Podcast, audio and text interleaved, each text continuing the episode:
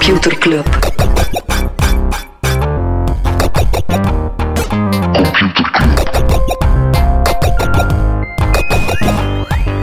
Computer Club. Hey Smolly, Hey Freddy. welkom, welkom terug. Welkom, welkom bij Computer Club, een wekelijkse podcast over technologie. Iedere aflevering selecteren eh, Freddy en ik een interessant artikel en presenteren een feitje. Ja, veel gebeurt ook deze week, waar dat we het, eh, waar dat we het niet te uitgebreid gaan over hebben.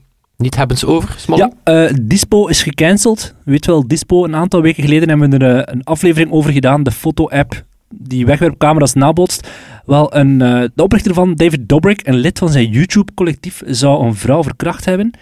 En daardoor komt Dobrik zelf ook in opspraak, want dat was, ja, hij was daar van op de hoogte. hè, ehm, en ja, hij is dus zelf al afgestapt van, eh, als adviseur of als be- beheerder, noem je dat, baas van Dispo. Baas. Ja, en ook gewoon, ja, ken het verhaal, hè, investeerders die zich terugtrekken, adverteerders. Dus het zal eh, snel naar beneden gaan, als ik het zo hoor. Ja. Maar ik, ik hoorde in een andere podcast, was een beetje de... Van ja, ze zijn nog jong en...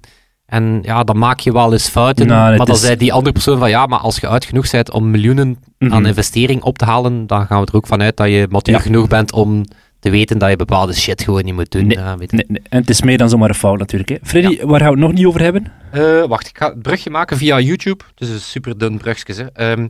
Je kon bijvoorbeeld al eerder op YouTube een soort ja, live captions hebben. Waarbij Mhm. dat je ondertitels, dat er ondertitels genereerd wordt. Eh, een mooie feature voor accessibility. Google Chrome gaat dat nu eh, volledig inbouwen. Dus dan ga je nu op elke video dat je bekijkt, zelfs zonder audio, ga je live captions kunnen krijgen. Voorlopig enkel in het Engels. Ja, ik merk het op mijn Android-telefoon, eh, is die feature er, staat er plots. Want ik krijg constant ondertiteling, ook zelfs op podcasts suggereert hij het. Ja, nee, maar het is, het is wel iets dat, je, dat we zelf misschien minder snel bij stilstaan, maar voor heel veel mensen op het internet. Of dat is ook een beetje de kritiek dat je op bijvoorbeeld Clubhouse enzovoort Mhm. hebt. Van, ja, echt inclusief is dat niet. Hè? Yes. Dus ik vind wel, allee, bon, Chrome is niet mijn favoriete browser, maar dat is wel een mooie feature. Ja. Nog iets anders waar we het niet over gaan hebben. Jack Dorsey heeft zijn eerste tweet nu ook effectief als NFT verkocht voor 2,9 miljoen dollar. Het geld gaat naar een goed doel. En de koper is een CEO van een blockchainbedrijf. Die, ja, uiteraard, dat is 2,9 miljoen dollar. Maar voor alle reclame dat hij hiervoor krijgt, misschien wel een slim marketingbudget ervoor ingezet. Ja, heb je die eh, Twitter-thread gezien over die dude die zei, ik ben eens gaan kijken wat dat je eigenlijk koopt als je een NFT koopt? Nee? Dat is hallucinant. Dus zegt van, oké, ja, die, die, die NFT is uniek, hè, die, die NFT, die token, Hm. Maar waar staat die asset dan? Waar staat dan dat kunstwerk? Basically gewoon een URL die naar een file gericht is. Die file staat dan typisch op een van die eh, NFT-sharing Mhm. platforms. Dus die zegt ook van ja, als dat platform failliet gaat, waar dat we, laten we ervan uitgaan dat dat gaat gebeuren, dan zijn je werk kwijt. Hè? Ja. Als iemand dat domein overkoopt, dan is die, allee, dan sta je daar met je token, maar dan heb je kunstwerk niet meer. Ja, en voor sommige sectoren houdt het wel steek. De gamingsector bijvoorbeeld. Als jij vroeger een Palladium zwaard in RuneScape wilde verkopen aan een andere vriend, dan moest dat gewoon cash op de speelplaats en dan logde hij in jouw account en dan had je dat zwaard. Nu kan je als NFT wel zeggen van, Freddy heeft al effectief mijn eh, Palladium zwaard in RuneScape gekocht voor Ja. 50 euro. Het is ey, opnieuw, opnieuw ja, ik kan er moeilijk rond. Het is, ik, ik, vind, ja, ik vind het boeiende technologie. Ik vind het gewoon jammer dat er zo'n eh Ja. een vuilsfeer rondhangt. Perfect. Eh wacht, hè, ik heb nog, eh, nog een interessante. eh zo in het kader van ja, de, de, de druk op regulering dat er wel constant is. Ehm, eh, druk op Ierland. Ehm, en dan meer bepaald van de Duitse datawaakhond. Die, die zegt dat de Irish Data Protection Commission. En waarom is die belangrijk? Ja, alle techbedrijven zitten in Ierland Mhm. om eh, fiscale redenen. Dus het is aan de Ieren om dan GDR, eh, GDPR-breaches eh, vast te stellen. En die noemt die extremely slow. Oké. Dus eh, ik denk dat dat vrij terecht is. Ja. Als we nog één eens mogen zeggen over een andere waakhond, de Britse financiële waakhond, die heeft onderzoek gedaan naar beleggen via smartphone. En daaruit blijkt, ja, hoera, hoera, dat dat veel te makkelijk is. En dat mensen die beleggen via een smartphone te weinig onderzoek doen en verhoudingsgewijs meer geld inleggen dan mensen die gewoon beleggen via een desktop of via een bankier. Dus de financiële waakhond hebben een campagne komen, vooral om jongeren in te lichten, met Robinhood en de dergelijke apps, toch niet te lichtzinnig mee om te springen. Ja. Inderdaad. Eh, wacht, ik heb ook nog, nog, één, nog, nog twee dingen. Eh, eentje om terugkomen. Vorige week in de nieuwsbrief hadden we het over een ja, Chinees initiatief van de China Advertising Association, ja, een staatsgesponsord ding. Ehm, en waarbij dat die grote Chinese techbedrijven manieren zoeken om die Apple-tracking te omzeilen. Heel interessant, want Dus dat gaat niet zozeer over het feit dat Apple enkel die tracking ID afzet, maar ze hebben ook een hele richtlijn gepubliceerd dat je gewoon tracking niet meer mag doen. Dat is wel belangrijk. Dus Mhm. eh, Apple heeft nu effectief waarschuwingen gegeven aan twee grote Chinese apps dat ze twee weken hebben om die vuile trucjes er ook weer uit te halen. Maar dan nog is het een heel dunne koord, omdat er zijn al bepaalde uitzonderingen voor China. Tencent heeft bijvoorbeeld al een heel ander in-app purchase regime dan anderen. Eh, iCloud data wordt al niet geëncrypteerd op basis van eh, de Chinese regelgeving. Dus het is een dunne grens tussen, ja, Apple ehm, ja, kan niet zomaar heel China tegen zich injagen. Maar ja, als je China zegt dat ze wel nog app tracking mogen doen. Mhm. Dus ja, benieuwd waar dat, dat, eh, waar Ja. dat, dat eindigt. En dan nog eentje, ja, eh, Amazon Healthcare. Een beetje verrassend en niet verrassend. Eerder, denk ik een aantal maanden geleden, was er nog het nieuws dat ze, ja, ze hadden een soort joint venture haven. Eh, Mhm. ja, met, met denk ik eh, een aantal grote investeringsfirma's. En daar zijn ze gestopt. eh, maar wat, nu kwam het nieuws dat ze Amazon Care, wat iets is dat ze al richting medewerkers in Seattle hebben. Een soort ja, combinatie van heel makkelijk een telegeneeskunde afspraak kunnen boeken. Blijkbaar binnen de 60 seconden heb je een, heb je een dokter aan de lijn. Eh, maar dan ook bijvoorbeeld eh, bloedafnames bij je thuis of dat soort dingen. Dat gaan ze nu uitrollen naar andere bedrijven in de regio, maar ook naar andere Amazon-werknemers in Amerika. Dus wordt dit zo de AWS, maar dan voor healthcare? Ja, misschien wel. Oké. Ja, cool. Amazon Care. Voilà. Voilà. En alles wat selectie niet gehaald heeft gaat in de nieuwsbrief. en de nieuwsbrief, die vinden we op. Eh nieuwsbrief.computerclub.online. Yes. En deze keer gaan we het hebben over vastgoed. Oké. Ja, we zijn echt, ik ben, ik ben, we zijn er zaak van het maken om mega droge topics, batterijen, chips, vastgoed, Alsnog sexy te maken. alsnog sexy te maken. Je Yes. zeggen gewoon door mensen een eh strot te rammen, maar Nee, nee. sexy. Freddy, heb je ook een artikel gelezen?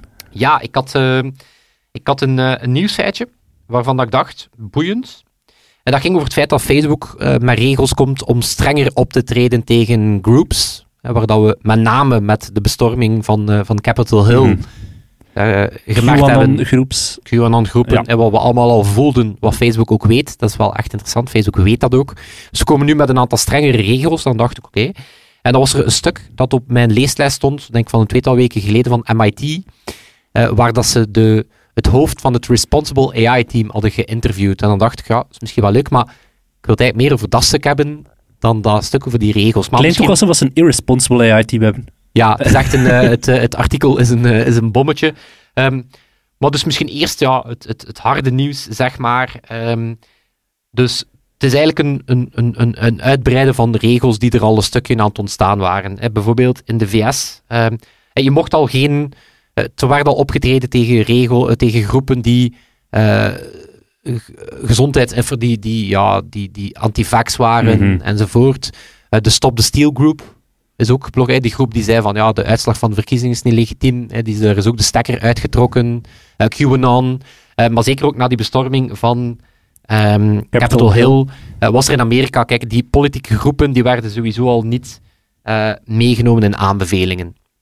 Ehm, dat wordt nu uitgebreid naar de rest van de wereld. Hè, dus, dus voor een stukje politieke groepen, die gaan al iets minder aanbevolen worden aan onschuldige huisvrouwen en andere. En, eh, weet je, dus dat wordt al iets minder gedaan. Ehm, ook minder visibiliteit in de newsfeed voor groepen eh, waar dat er af en toe al wat schendingen zijn.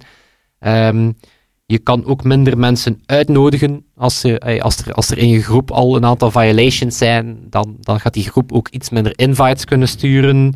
Ehm, als je een groep joint die ook al veel violations heeft van de community standards, dan ga je er ook een melding van krijgen. Ehm, en dan proberen ze ook een soort ja, whack-a-mole te spelen met ja, hoe kan je ervoor zorgen dat groepen niet telkens opnieuw beginnen? Want dat is dan een probleem, ja, één groep wordt stilgelegd, wat dat wel. Dus ze proberen een aantal loops, bijvoorbeeld als een groep, een nieuwe of een bestaande groep, veel leden heeft die al elders inbreuken hebben, dan worden al de posts in die groep, moeten die goedgekeurd worden door De de moderator. en moderators. Als er dan toch nog posts door geraken die niet oké zijn, die niet in lijn zijn, wordt die groep ook geblokkeerd. Mhm. Dus in die, in, op die manier proberen ze te zeggen van ja, guys, het is niet omdat je gewoon in een ander clubhuis gaat zitten, dat, het hier, dat dit hier clean slate, carte blanche is. Ehm, Zo de Vlaams Belang, Vlaams Blok truc. wat? De Vlaams Belang, Vlaams Ja, Belang. ja, zo van, haha, kijk, we zijn een democratische partij. Ehm voilà, maar voor de rest zijn we nog altijd wel hetzelfde, hetzelfde bandeke. Ehm, en als iemand herhaaldelijke inbreuken doet, dan kan hij ook niet meer posten en commenten. Mhm. Dus dat is een beetje de, eh, ja, wat ze gaan doen. Maar daarvan voel je ook van, ja, je kan nog altijd content delen op Facebook waarvan dat ze weten, weten dat ze vals is. Oké, inderdaad, contentmoderatie is niet makkelijk. Sommige waarheid is subjectief. We moeten niet over zwanzen. Niet alles is binair, Mhm. waar of niet waar. Maar dingen die flagrant niet waar zijn, kan je nog altijd delen op Facebook. Dus daar zou Facebook ook kunnen zeggen van, ja, waarom überhaupt nog anti-vax content URL's op ons platform? Waarom niet gewoon een globale blocklist qua, Mhm. qua, qua content die echt gewoon flagrant fout is? Ehm, en je kan nog altijd in de zoekresultaten, eh, TechCrunch heeft het bijvoorbeeld geprobeerd, ja, die hebben gaan zoeken naar eh, anti-vax, COVID-hoax, en dan, dan vind je ze nog altijd. Dus dan heb je zoiets van, oké, ergens voel je dat Facebook nog altijd wel worstelt met, ja, hoe kunnen we een gezonde dialoog hebben? Ze voelen nog altijd van, ja, maar toch free speech, et cetera, et cetera. Maar ja, dus de vraag is, zijn dit soort regels voldoende? Ja, waar begin je, waar eindig je? Dat is vooral de, dat is een doos van Pandora dat je open doet. En Ja. je zegt antivax, ja, wat, wat, wat, wat, met flat earth theorieën en al dat soort zever. Ja, voilà. Maar dus eh, om een brugje te maken naar het, naar het stuk van MIT, ehm, is het probleem is groot en Facebook weet dat ook. Om te zeggen hoe groot dat, dat probleem is, 1,8 miljard mensen gebruiken Facebook groups. Dus dat is, dat is huge. Ehm, en om maar te zeggen, ehm 64% van de joins in dat soort ja, extreme groepen komen via aanbevelingen. Mhm. Dus 64% van, van de zilverhoedjes crew komt daar gewoon puur omdat Facebook hen voorgesteld heeft om daar naartoe te gaan. Dus dat toont dat die aanbevelingen, eh, dat er wel een en ander aan schort. En eigen onderzoek van Facebook, dus internal research, toont dat van de 100 meest actieve politieke groepen op, eh, op Facebook, 70% eh, hate speech, misinformatie, desinformatie hebben, Mhm. waarvan dat Facebook zegt, we mogen ze niet aanbevelen. Dus, allee, als 70%, als 70 van uw 100 populairste groepen toxisch zijn, en dan nog eens de kritiek, dan nog duwen ze het gaspedaal in eind vorig jaar om aanbevelingen te doen daarop. Ja. Eh, dat is een beetje de, de teneur. Dus het artikel van MIT, ehm, die hebben een jaar lang het hoofd van het Responsible AI Team geïnterviewd. Dus meerdere sessies gedaan. en één, interview, gewoon een jaar lang. Ja, ja, ja, gewoon een jaar lang gevolgd. Eh, dus, en dat team is specifiek bezig met wat is de impact van Facebook en algoritmes op onze maatschappij. Het, het Society and AI Lab wordt dat ook genoemd. Eh, en die journalist, ja, die steekt meteen zijn, eh, zijn teleurstelling, ja, steekt niet weg. Dat team is, ja, dat is goed. Die zijn bezig met inclusiviteit. Hè. Moeten we opletten dat we geen bias vertonen richting Mhm. eh, bepaalde eh, etnische groepen. Hè. Dat is allemaal wel belangrijk, maar die zijn totaal niet bezig met verspreiding van misinformatie, eh, nog met polarisatie.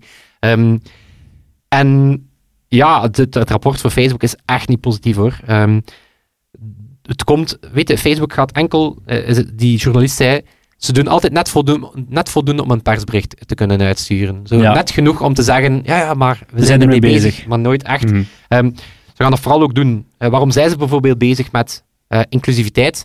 Omdat ze op de vingers getikt zijn rond ja, bepaalde advertenties die eh, voor housing die getoond werden op basis van racial profiling, wat Mhm. een enorme inbreuk op de wet is. Dus vandaar komt dan die, ah, we moeten opletten. Dat is gewoon puur omdat Facebook zegt, ja, we moeten opletten dat we geen regels op ons dak krijgen. Ehm, of er wordt opgetreden na een aantal vocale republikeinen die zeggen, er is anticonservatieve bias. Dan schieten ze ook in gang en dan gaan ze zelf, ironisch genoeg, content die geflagd wordt Hmm. als misinformatie, toch gepublished laten worden, want ze hebben ontdekt dat er in, anti, dat er in conservatieve groepen ja, gewoon meer desinformatie is. Dus die content mag daar verspreid worden, omdat ze net bang zijn dat ze anders op een dak gaan krijgen van Mhm. het politieke establishment. Dus dat zijn al de hele verkeerde redenen. En de hoofdreden, maar dat zal voor weinig mensen als een eh, verrassing komen, ja, voor een heel goed stuk is het Mark Zuckerberg die gewoon zegt groei. groei. Bij Facebook is er blijkbaar echt een term anti-growth, wat betekent elk idee dat mogelijk een slecht effect kan hebben op ons engagement. En daarvan wordt gezegd, eh, Moet gekild worden. moet gekild worden. En ehm, het ergste is dat Facebook dit perfect weet. Ehm 2018 erkennen ze dat ze een grote rol gespeeld hebben in een genocide in Myanmar. Mhm. Ja, dus daar erkennen ze, ja, ons platform is de grote oor... is niet, is niet misschien de oorzaak van het conflict, maar heeft het conflict wel enorm laten ontsporen. Ze weten dat 64% van de extreme groepen gejoind wordt via aanbevelingen. De Chief Product Officer is in 2018 zelf onderzoek gaan doen. Ehm, Chris Cox. Onderzoek gaan doen naar, is er een correlatie tussen groei en polarisatie? Hij heeft dat bevestigd. Hij heeft gezien dat eh, als je engagement, in groepen waar dat er engagement verhoogd is, zijn groepen die meetbaar gepolariseerder zijn. Dus voilà. Ja. Dat is zelf meer dan correlatie, denk ik. Dat is zelf een causaliteit. Op korte termijn, hè. op lange termijn heeft dat natuurlijk wel een slechte impact op merk en op de sfeer. Ja, voilà. Maar op korte termijn, eh, het, het, het gaat goed. Eh, engagement through enragement. Ehm, en die Chris Cox, die Chief Product Officer, heeft toen een aantal maatregelen voorgesteld, maar de meeste zijn geparkeerd. Ehm, en ja, tal van studies erna eh, bevestigen dat. Of erger nog, ze weten bijvoorbeeld dat mensen met een depressie vatbaarder zijn voor ja, content die hen opruidt. En toch doen ze het. Mhm. Ja, dus eh, meer dan genoeg eh, bewijzen. Of ze weten bijvoorbeeld dat contentmoderatie via AI altijd achter de feiten gaat, gaat lopen. En toch claimen ze dat dat dan de oplossing gaat zijn. Ehm, ja, en het, je merkt gewoon dat bedrijf is ziek. Die incentive structuren zitten gewoon verkeerd. En je wordt daar beoordeeld, je wordt geëvalueerd op hoeveel projecten rond je succesvol af. En daarvan wordt er gezegd, ja, moeilijke dossiers zijn de alles dat growth kan beïnvloeden. Ja, niemand durft die nog aan, want je salaris wordt eraan gelinkt. Of erger nog, je incentives, je bonussen worden gelinkt aan growth en Mhm. engagement. Dus daar is gewoon geen enkele kwaliteitsmetric eh, om, om, om die mensen in check te houden. En ja, die, die, dat hoofd van Responsible AI-team, ja, die probeert wel. Hè, die, eh, wat hebben we ooit ontdekt? Er bestaat een soort platform eh, dat hij uitgebouwd heeft toen hij nog gewoon de toegepaste AI-lead was. En dat betekent elk team bij Facebook kan modellen gaan trainen. Hè, of dat dan nu een model is om jouw advertenties efficiënter te maken, engagement op groepen, vriendsuggesties. Eigenlijk mensen zonder al te veel AI-kennis kunnen een model gaan trainen. Eh, en daar was dan blijkbaar een belangrijke, die kende ik zelf niet. Dat is de L6-7 metric. Wat betekent, heeft die persoon ingelogd in, de laatste, in zes van de laatste zeven dagen? Mhm. Dat is blijkbaar voor Facebook een heel belangrijke. Maar daarvan zeggen ze wel van, kijk, elk model dat engagement vermindert, gaat er al bijna niet, niet door geraken. Eh, elk model dat in productie geraakt, maar waarvan dat ze toch zien dat comments of likes verminderen, gaat wellicht herzien worden. Nu, ja, die Candela, die, die, die hoofd van die Responsible AI-team, heeft een stukje die taak gekregen van, oké, we moeten daar wel bewuster mee omgaan.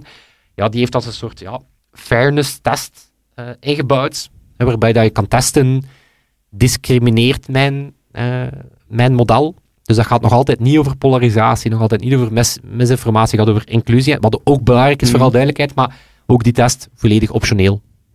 Dus zo, ja, het bestaat, maar het moet niet door. Dus ja, dan voel je dat.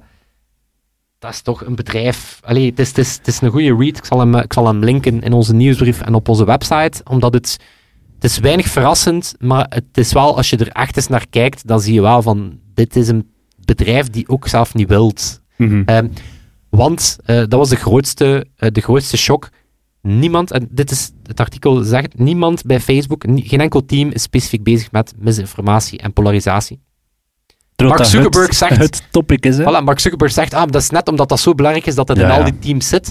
Wat ironisch is, want eerder had de CTO tegen de New York Times, blijkbaar een heel emotioneel interview, had hij ook gezegd van, nee, nee, sommige zaken zijn net zo belangrijk dat ze een core team nodig hebben. Enter, het Responsible AI team. Dus Facebook die dan zegt van, ah nee, nee, maar iedereen is daarmee bezig, is gewoon een, Ja. ja. een drogreden. Hè. We hebben een manifest aan de muur hangen en nu, is de, nu weet iedereen we ervoor moeten oppassen. Ja, voilà. En, en ook, ook extern onderzoek hè, bevestigt dat. Avas komt bijvoorbeeld gisteren met eh, een stuk waarin dat ze aantonen dat eh, zomaar even 10 miljard views van polariserende misinformatie in de verkiezingen perfect vermeden had kunnen worden. Eh, de meeste van die misinformatiebronnen hebben dankzij Facebook hun engagement op een aantal maanden tijd maal drie gedaan. Dus ja, Mhm. Facebook zelf weet het, iedereen weet het, iedereen weet wat dat het probleem is, maar ja, geen enkele incentive structuur bij Facebook om het, eh, om het aan te pakken. Ja. Het is een beetje zoals bij de klimaatverandering bij energiebedrijven en zo. Ja, We doen ook groene dingen. Nou, we kopen ergens een groen certificaat en dan zijn we een groene leverancier. voilà. Zwat. Alright, Freddy, ik Tijd voor wat kennis. Ja, kennis, eh, iets leutigers vooral. Mag ik een uh, jingle? Ja. Computerklas. Freddy, er heeft iemand tien jaar lang in een pretpark in een rollercoaster tycoon gebouwd. Tien jaar lang is hij daarmee bezig geweest. Het is een park uiteindelijk met 255 attracties. Er zitten momenteel 8000 gasten op hetzelfde moment in dat pretpark. Dus tien jaar lang, hè. dat is twee keer zo lang als dat Disneyland gebouwd, eh uit eraan gewerkt is. Heeft dat gedaan in een mod-versie, in een, eh, een, ja, een soort sandbox, die ook veel meer ruimte heeft dan dat je normaal in de Rollercoaster Tycoon pretpark hebt, waar dat hij een gigantisch groot landschap heeft met eh, verschillende zones, zoals in een echt pretpark. Een Egypte-zone, een Tron, eh, ja, de Tron Legacy-zone. dus echt zoals een echt pretpark, met, met super mooi gedesigned. En in, op Reddit kun je zijn evolutie volgen. Ah, hij designt dan wel wellicht ook zijn eigen assets en zo. Of, of- Nee, nee, nee. Het is echt gewoon zoals je... Ja, je kan in Rollercoaster Tycoon ook zelf achtbanen gaan, gaan maken met en een heleboel decoratiemateriaal ook en zo. Ja, het is niet dat hij boeit zelf nog decoratie boeit Tron. Het is niet dat hij dan gezegd heeft van ik ga nee, een hele hoop neon binnen, stuff... eh, binnen, binnen wat dat je mogelijk hebt van Rollerco- Rollercoaster Tycoon toch wel zo verschillende zones gemaakt. Ja, dat is zo like op mijn Animal Crossing eiland, waar dat ik geen tien jaar aan gebouwd heb. Nog ik zo niet. Een soort, een soort cyberpunk-achtige... Het waren zo twee zones voor mijn eilandbewoners. Het ene was zo de chique, ja, zo bungalows by the beach, hè, met zo toffe hangmatjes en dit en dat. En dan het andere deel van mijn eiland, ja, die leefden gewoon in trashy, ja, veel vuilbakken op straat, Precies, uh, Ibiza. buiten. Ibiza met zo de natuur. Ja, de mooie kant van het eiland en dan de mooie kant van het eiland, ja. Ja. ja. Ah, de- ik ben altijd op zoek naar zo'n project waar ik tien jaar mijn energie kan indumpen. Modelbouwtreintjes. Zitten blijkbaar zwaar in de lift. Is het echt? Ja, eh Duits merk, naam ontgaat mij. Eh, eh, Nooit zo populair Je zei. Merkel, maar dat is het niet. Maar ik weet wat Perde bedoelt. Merklot, mij, mij- ja. Mark, Marklin. Mer- Merklin, Merklin. Ja, ja, dus die. Ja, ja. Ja, voilà. Merkel zat er nog niet te ver van. Ja. Je. Dus die zeggen, ja, nooit populairder geweest zalig. dan... Ja, eh, dat toch met puzzels, Het is toch de hetzelfde droom met, van iedere, van iedere toch vooral man, om zo in de gloria gewijs, zo in je kelder, zo'n miniatuurtrein Voilà. wereld te hebben. Ah, ik Voilà. wil al sinds later, als we op pensioen zijn, Freddy, gaan we dat samen doen. Maken we zo'n wereld. Iets helemaal anders. Ehm, ik was van plan om mijn artikel, en ik had een heel mooi portret over Clubhouse in Wired gelezen, en ik was van plan dat te selecteren, en dan plots kwam er het nieuws dat Discord misschien zou verkocht worden aan Microsoft. Even voor de mensen die niet weten wat Discord is. Discord zou je kunnen vergelijken met een soort Slack, maar dan voornamelijk gebaseerd op voice. En de doelgroep is in eerste instantie gamers. Het is een platformagnostisch eh, platform. Ja, dubbel woord platform. Je kan het gebruiken als mobile app, op je desktop, op je Xbox, Playstation. De bedoeling is eigenlijk dat je gewoon zegt, ik wil nu in dit kanaal eh, vooral spraak met mijn vrienden, eh, een beetje babbelen terwijl dat we aan het gamen zijn, of het een Fortnite of een andere game is. Vorig jaar 1,4... Het is inderdaad zo, het is een beetje Slack, Slack sl- slash IRC Ja. chat, maar inderdaad een heel sterk focus op Voice. meteen in voice based zijn. We hebben er trouwens een episode over gedaan. Ik denk ergens Heel Ergens in de-. In de 90 of zo. Ja, dat kan. Ja, vorig, over Giphy en Discord, Ah ja, dat weet ik nog. Dus Ja. mensen kunnen terug in ons archief duiken op Computerclub Online, Ja. als je specifiek over Discord. Maar Microsoft. Ja, wel, dus één, even nog om, de, om de, de grootorde te schetsen. 140 miljoen gebruikers nadat ze vorig jaar gerebrand zijn. Dus niet meer alleen gamers, maar toch vooral ook mensen die samen studeren of andere dingen samen doen. 1,4 biljoen minuten aan voice chat vorig jaar. Microsoft zou geïnteresseerd zijn. Is dat logisch? Als je erover nadenkt, absoluut. En Microsoft zet zwaar in op de gaming sector. Ze hebben al Bethesda en een aantal andere. Ze hebben een Mixer ooit overgekocht, een soort livestream. geen platform. succes. Dat was geen succes. Het is in een tegenstelling tot Twitch, een dat Amazon Twitch. wel, Ja. eh, voor Amazon wel eh, een zeer goede acquisitie was. Ja, ja, absoluut. Eh, goede aanvulling ook op Teams. En Microsoft heeft Teams, zo hun Slack, die echt geassocieerd wordt met bedrijven. Zou je kunnen zeggen, Discord is wat de tegenhanger voor de leisure, voor de vrije tijd. En je zou kunnen features van het een en het ander integreren en zo. Zou Discord dat doen? Ja of nee? Eh, De ene optie dat ze hebben is dus verkopen aan Microsoft. De andere optie is gewoon zelf naar de beurs gaan. Als ik hun zou zijn, ik heb zitten nadenken, wat zou ik doen? Je hebt enerzijds de optie om Microsoft en Ja, ik zit me nu af te vragen, zou Microsoft bij heeft een Discord zeggen, wat zou Smolly doen? Dat zou wel fantastisch zijn. Moest jij en Ja, oprichter zijn van Discord op hetzelfde moment zo... Jij zou, moest ik Discord zijn, een Discord zou, moest ik Smolly zijn. Ja. Wel, ik zou, ik zou na, lang niet, ja, na lang twijfelen toch wel verkopen aan Microsoft. Enerzijds moet je weten, wat is de visie van die mannen bij Microsoft? Zij zijn van plan om dit te integreren en op te roepen, zoals ze met Sunrise gedaan hebben. Dan denk ik, ik zou mijn kindje niet bij de Daar ga je geen 10 miljard aan Wat? spenderen, denk ik. Want dat is het bedrag Ja. toch dat, dat ze wel genoemd wordt. Hè? Dat kan. Ik, weet, ik heb nog geen idee van, van bedragen, maar eh, het kan. Ja. Ik las ergens grote orde 10 miljard. ja. En ook zo gewoon omdat dat een zalig cijfer is. Zo. Is niet weinig, het is ook niet superveel. Het kan. Ja, maar als je naar de beurs zou gaan, dat betekent dat je nog breder moet gaan qua doelgroep. Dat je ieder kwartaal moet kunnen voorleggen dat je gegroeid bent. Dat betekent dat je die basis ook wel wat, wat ja, kiezen is verliezen. Hè. Dus dan ga je moeten echt niet meer alleen op gamers focussen, maar ook op je moeder eh, bijvoorbeeld. En dan ga je nieuwe features moeten blijven releasen. Terwijl als je je verkoopt aan Microsoft en je kan laten opnemen van het feit dat die app als afzonderlijke entiteit kan blijven bestaan, zoals dat Microsoft ook GitHub heeft overgekocht. Niemand weet, GitHub is van Microsoft. Hetzelfde zou je kunnen zeggen, Discord, het is Het van Microsoft, als, als, je mij vijf jaar, als, je, als je mij vijf of tien jaar geleden vroeg, dan zou ik inderdaad, moest ik Discord zijn, heel bang worden van, oh oh, wat gaat Microsoft hier doen Ja. met, mijn, eh, met mijn merk? Microsoft anno vandaag ik inderdaad perfect in staat om, om dat merk gewoon Ja. te En laten dan doe je groeien, zoals hè. dat Jeremy Levin gedaan heeft van, van Sunrise. Die zegt, ik verkoop het aan Microsoft. Ik ga je twee jaar lang doen alsof ik een eh, vrolijke Microsoft-employee ben. en dan gewoon weggaan en iets anders gaan doen. En dat geld gaan herinvesteren of iets nieuws beginnen. Hè. Ja. Dat zou, dat zou, ik zou dat doen. Ja, naar de beurs gaan nu. Je weet, de beurs staat op een piek. Ehm, je moet zoveel verantwoording afleggen iedere drie maanden. Je moet zoveel nieuwe features en groei kunnen voorleggen. Het is gewoon niet meer tof om dat te doen. Het is dat, maar ik vind, ik vind in die optiek, het was, het was toen ik het nieuws las, dan denk je, weet je zo, recent was er het nieuws Microsoft en Pinterest. Mhm. En dan, dan denk je zo, ja, ja, kan, ja. Toen ik zag zo Microsoft en Discord, dan denk je, oh my god, ja, het zal wel. Hoe, Alles klikt hoe, was, dit, ja, samen. hoe, ja. hoe, hoe, hoe- hoe- hoe was dit nog niet langer op onze radar, dat dat eigenlijk gewoon een mega match is. Inderdaad, zowel eh, de gaming insteek, eh, Xbox, Xbox Live, eh, Mhm. gaming streaming, is al op zich echt een mega goede match. Is al een reden om het, om het bijna te doen.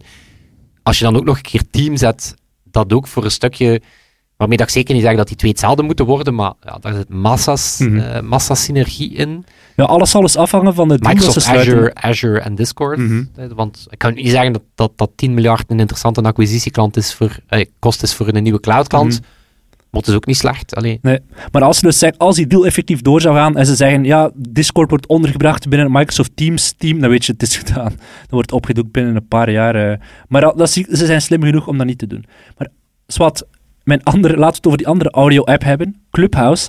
Ik ken de Ah, toch, Clubhouse... blij dat, toch blij dat we nog NFT's en Clubhouse. Ja, toch, absoluut. Ook in deze week. Ja, weet jij hoe dat er achter Clubhouse zit? Ik ken de, eh, de oprichters nooit onderzoek naar gedaan, maar door dat Wired-stuk weet ik het wel een beetje beter wie dat die mannen zijn. Paul Da- Davison en Rohan Seth. En dat zijn twee totaal verschillende karakters. Davison is 41 jaar en die is eigenlijk al drie decennia lang aan het proberen om te scoren met een start-up. Echt al sinds de jaren 90 is onder andere consultant geweest bij Bain en daarna entrepreneur in residence, zoals dat dan noemt, bij een VC. Hij zal een spin-off proberen maken. Op een bepaald moment had hij een app die Highlight heette. En die duidt bijvoorbeeld aan wanneer dat er een vriend van een vriend in de buurt is. Of iemand met dezelfde interesses. Om zo'n soort van... Ah, hij kent Freddy, ik ken Freddy ook, dus we kunnen samen... serendipity van... Ja, ja. En dat op, in 2012 was dat heel populair op is, eh, South by Southwest. Ja. In 2015 uiteindelijk toch opgedoekt en verkocht aan Pinterest, de app niet zo heel goed liep. Die set is eh, heel clichématig, 36 jaar, techneus, komt uit Indië, eh, twee ingenieursdiploma's, heeft voordien bij Google gewerkt, aan het team dat op Google Maps werkte, en ze hebben elkaar ontmoet. En die hadden het idee van, we willen samen een B2B-bedrijf oprichten. Ze wisten niet goed wat precies. Ze wisten, B2C, daar gaan we van blijven, want dat is heel veel gedoe. En Seth zat met het idee dat Phone a Friend heet. Dus je drukt op een knop en al je vrienden met die app die krijgen een notificatie van Freddy wil bellen. En op een bepaald moment zat Seth naar Game of Thrones te kijken. Het was gedaan, de aflevering. En hij drukte op die knop. En op een bepaald moment, met heel veel vrienden, waren ze zo samen een uur lang aan het discussiëren over die Het aflevering. was inderdaad Dat het was wellicht de. Red Wedding en daar moeten we even over babbelen. Het kan. En, en toen hebben ze ontdekt van, ah, hier zit iets in. Ze hebben een app gemaakt die heet Talkshow. Die is dan later gerebrand naar Clubhouse. Maar het concept was inderdaad wel, wel dit. En is ook hier weer, ja... In het begin was het heel amateuristisch. Ze kregen in Slack letterlijk een melding dat er een nieuwe gebruiker was. En die, die Paul die ging persoonlijk die persoon gaan begroeten. Van, hey, welkom, bij Welkom Clubhouse. Clubhouse, Dat, ja. hij toch, dat hij toch niet toekwam in een lege zaal. Ja. Ehm, en al heel snel, ja, Het was een wereld voor Chloe Willaerts en Fredo de Smet. Ja, inderdaad, toen- voor, dat soort me- voilà. voor dat soort mensen. In Vlaanderen is denk ik nooit bo bovenaan statum geraakt, maar dat terzijde. 1500 gebruikers hadden ze toen als ze al 100 miljoen waard waren. En dat is zo'n beetje het knelpunt voor de mensen die Clubhouse gevolgd hebben. Daar, nu zitten het dan aan meer dan 4 miljoen gebruikers. Ehm, kun je met 8000 mensen in één room zitten om te praten met elkaar. De moderator kiest wie dat er mag praten natuurlijk, maar je kan tot 8000 mensen in één room zitten. En er is zo'n beetje de vraag, de hype is ook hier in Vlaanderen een beetje gerust en aan het inzakken eigenlijk. En dan is de vraag, wat gaat Clubhouse doen? Gaan zij ook hier weer, hetzelfde als, als Discord, naar de beurs gaan? Of gaan ze verkocht worden aan... Ook verkopen aan Microsoft. Ik denk heel logisch zou zijn bij, bij de LinkedIn of de Twitter, een platform waar je al met expertise eh, zit. Ik denk dat Twitter Spaces anytime nu wel publiek gaan, gelanceerd gaat gaan. Ik denk, persoonlijk ben ik wel nog enthousiast over Twitter Ja. Spaces. Maar de vraag wat ik bij Clubhouse vooral heb is, komen mensen voor de user experience of komen ze voor de celebrities die ze mogelijk kunnen ontmoeten? Want dat zie je als de Elon Musk in zo'n Clubhouse zit, gaat iedereen door het dak. Als er geen zo'n celebrity is, is dat al minder interessant. En dan is vooral de vraag, gaan die celebrities op hun strepen beginnen staan en gaan ze zeggen, hey yo, Clubhouse, dankzij ons zijn jullie zoveel waard. Wij willen een stuk van de revenue. En dan heb je echt wel een heel moeilijke... Ja, maar het was ook Issue. een populaire Twitter-thread die zo zei van, was een, eh, ook een bekende eh, Silicon Valley eh, dude, die zei van, dit is waarom dat ik zelf geloof dat Clubhouse gaat in, eh, dat, dat, dat de cake gaat imploderen. En dat ging inderdaad voor een stukje op ja, discoverability van goede content. En anderzijds ook gewoon goede creators Ja. zover krijgen. Maar die zegt van ja, dat is wel iets anders om, eh, om mensen zover te krijgen om, om x aantal keer per week een podcast te laten oppakken. Versus ja, hoe, hoe, hoe, hoe krijg je mensen zover dat ze, dat ze continu live willen zitten op Clubhouse. Maar ook zo dat, dat aspect van dat, wat het blijkbaar zo leuk maakte, was het was enorm in-crowd gevoel en het was kwalitatief. Het Ja, was maar dat was. Twitter in het begin ook, hè. Ja, wel, zo Ja. was dat. Maar dan is inderdaad de, de, dezelfde uitdaging waarom dat zelf een platform als Twitter extreem lang struggelt Mhm. Om echt voorbij een, een, een doelgroep van journalisten, professionals, politici te geraken, is net, ja, hoe vind je de goede content en hoe zorg je dat die dialoog kwalitatief blijft, ook al neemt die groep enorm, Mhm. enorm toe. En ik denk dat Clubhouse intussen dat breekpunt inderdaad wat bereikt heeft, dat dat zo, het, het klein, kleine, gezellige, kwalitatieve is er een beetje af, Ja. aangezien dat exclusieve, ja. Ook in hun geval zou ik zeggen, cash nu, snel, verkoop het en eh, doe met dat geld iets tofs, ga vakantie. Voilà. Het is een beetje zoals met, je hebt hier in Vlaanderen een aantal horecazaken die één zaak beginnen. Die mensen, die oprichters, die hebben heel veel influencers als vrienden. Heel veel posts over dat café of dat restaurant whatever op Instagram. Ze doen al snel een tweede in een andere stad, Gent, Antwerpen, Antwerpen, Gent of Brussel. Ook daar weer heel veel influencervrienden. Eh, de eerste maanden superveel bus. En doordat er twee zijn, heb je als potentiële koper het gevoel van, hier zit een franchise in, we gaan dat kopen. En er is een paar keer is al voorgekomen dat die, die franchises, ik ga de namen, eh, ik kan, ik denk dat je zelf al een aantal voorbeelden kent, opgekocht worden. En dat er nadien die investeerder dat heel snel merkt, eenmaal dat die hype is gaan liggen, mensen komen niet voor de user experience, maar komen voor dat busgevoel. En het is hier zo tof, die eerste... Ja, Vier maar dat, dat, dat, dat boeit wel enthousiast dat ben over Discord. Want Discord, de, ah, de uitdaging voor Discord is, kan het echt buiten die gamer-doelgroep. Maar binnen die gamer-doelgroep ja, hebben ze een bewezen, Ja, eh, maar- ja, ze bewezen value prop. hè. Ook daar, die 150 miljoen mensen die op Discord zitten, dat zijn lang niet alleen maar gamers meer. Hè. Dat zijn boekenclubs, dat zijn mensen die samen studeren, dat is van alles en nog wat. Ik heb het gevoel, Smolly, misschien moeten in het begin van de podcast ook Silicon Valley expliciet begroeten. Ja. Dan, want ja, hier zit super... allee, ik bedoel, je geeft hier zowel voor Clubhouse als voor Discord basically het advies dat ze nodig hebben. Dus misschien, als we ze persoonlijk aanspreken, Ja. is de kans wel nog groter dat Dag ze Mark ook volgende keer... hè, en, zo, eh, ja, Hi Mark. En zo, hey Freddy. Hey, hi Mark. ja, Oh, hi ja, Mark. Oh, hi Mark. Oké, on that note gaan we afsluiten, Freddy. Voilà. Eh, dan bedanken wij onze amigo Stone, eh, Sebastiaan, die deze week de edit doet. Onze vrienden van de show. Dat is ook Yes. een, een tof clubje. En mensen die ons, eh, ja, die ons een stukje maandelijkse, maandelijkse boterham toeschuiven, zoals dat we dan zeggen. Yes, in ons clubhuis op Facebook wordt er nog heel veel gediscussieerd. Voorlopig zonder voice. Kan altijd. Voorlopig ook niet toxisch. En dat hopen we wel zo te houden. En dat zal het zijn. Tot volgende week. Tot volgende week. Yo. Yo. Computer Club.